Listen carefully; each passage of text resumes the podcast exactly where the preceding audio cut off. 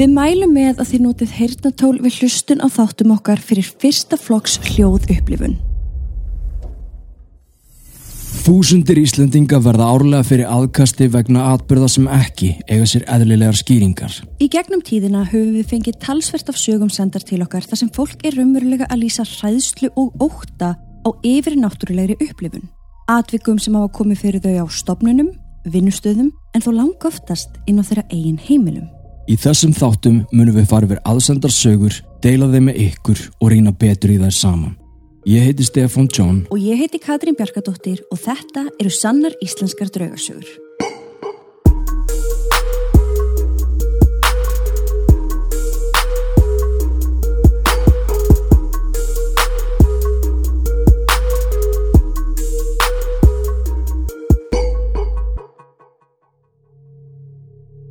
Við viljum minna á að draugasögurnar okkar eru ekki við hæfi barna nema með leifi fullorðina.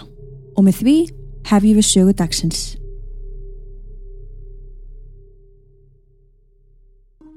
Komið þið sæl kæru áskrifundur. Komið þið sæl. Í dag er förstu dagurinn 19. mæ og Það þýðir hvað? Það þýðir að séu 13 dagar í að við förum út. spennandi. 13 dagar og við erum ekki búin að bóka hótel.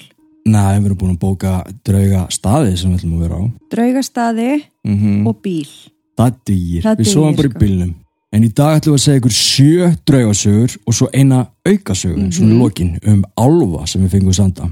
Áður en við byrjum þá minnum við á að þú getur sendt okkur þína sögu á sannar.draugasögur.com og þá tökum við hana fyrir hér í þættinum. En nóg að spjalli, Katrín. Við endum okkur í þetta. Saga 1. Stólin leggsteinn. Fyrsta sagan sem við ætlum að segja ykkur í dag kemur frá Jóhannu Berglindi. Þeir sem að hlustu á seinasta þátt af sönnum íslenskum draugasögum, sem sagt þátt nummið 33, þið kannist eflaust við hana Jóhannu en hún átti söguna Innsæi. Það sem að hún minnist á í lokin að hún ætlaði að deila með ykkur sögunni af því hvernig látin dóttir hennar hafði stólið sér leggsteini. Við höfðum sambandi hann í Jóhannu til þess að aðtöga hvort hún væri til í að deila sögunum með okkur og hún var sko heldur betur til.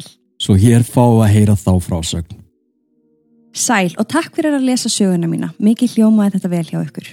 En já, ég skal nú segja ykkur frá því hvernig látin dóttir mín stál sér leggsteini. Ég fekk leifi hjá sinni mínum að segja frá hans lið líka og hérna byrjar sagan. Þið verðið að afsaka en hún er nokkuð löng og smá flókin en vonandi nægi að koma þessu skiljanlega frá mér. Ég vil byrja á því að segja smá frá stelpunni sem að útskýri líka kannski hvað gerðist þarna. En hún var allatíð mjög ákveðin, vissi hvað og hvert hún ætlaði í lífinu. Hún let engan segja sér neitt, hún var mjög klár og stundum svo litið ósvífin ef það hendaði henni og kom henni til góða. Hún var ári eldri en sonu minn og voru þau mjög náinn alla tíð og hún verndaði hann fyrir öðrum, svona eins og eldri sýstur sæmdi og enginn hafði leifi til þess að stríðunum eða kvelja nema hún. Hún var átján ára þegar hún fjall frá og skildi eftir sig mjög stort skarð í fjölskyldunni. Jæja, það tók okkur tíu ár að fara og velja leggstein fyrir hana. Margt sem kom þar inn í og vildi ég að þegar það yrði gert þá þyrtu við nokkur að vera sammála um útlit, áletrun og svo að allir kæmu saman til þess að setja niður. Þannig að í mars 2020 þá fórum við hjónin ásamt sininum að velja stein, svona að skoða og koma þessi í farveg. Við tókum okkur tíma og sáum svo eitt stein sem okkur leist vel á. Spjöllum við þann sem að sá um granithöllina og settum þetta upp með honum og myndi hann svo senda okkur nokkrar tilugur í e-maili með áletrun sem ég hafði þýtt af ennsku og var mér mjög hjartfólkin. Við kvöttumst þarna og sonu minn myndi hafa samband við föður ömmu og afa sinn og leggja málið undir þau en fadir þeirra sískinu var látin og ég vildi leifa þeim að velja með mér.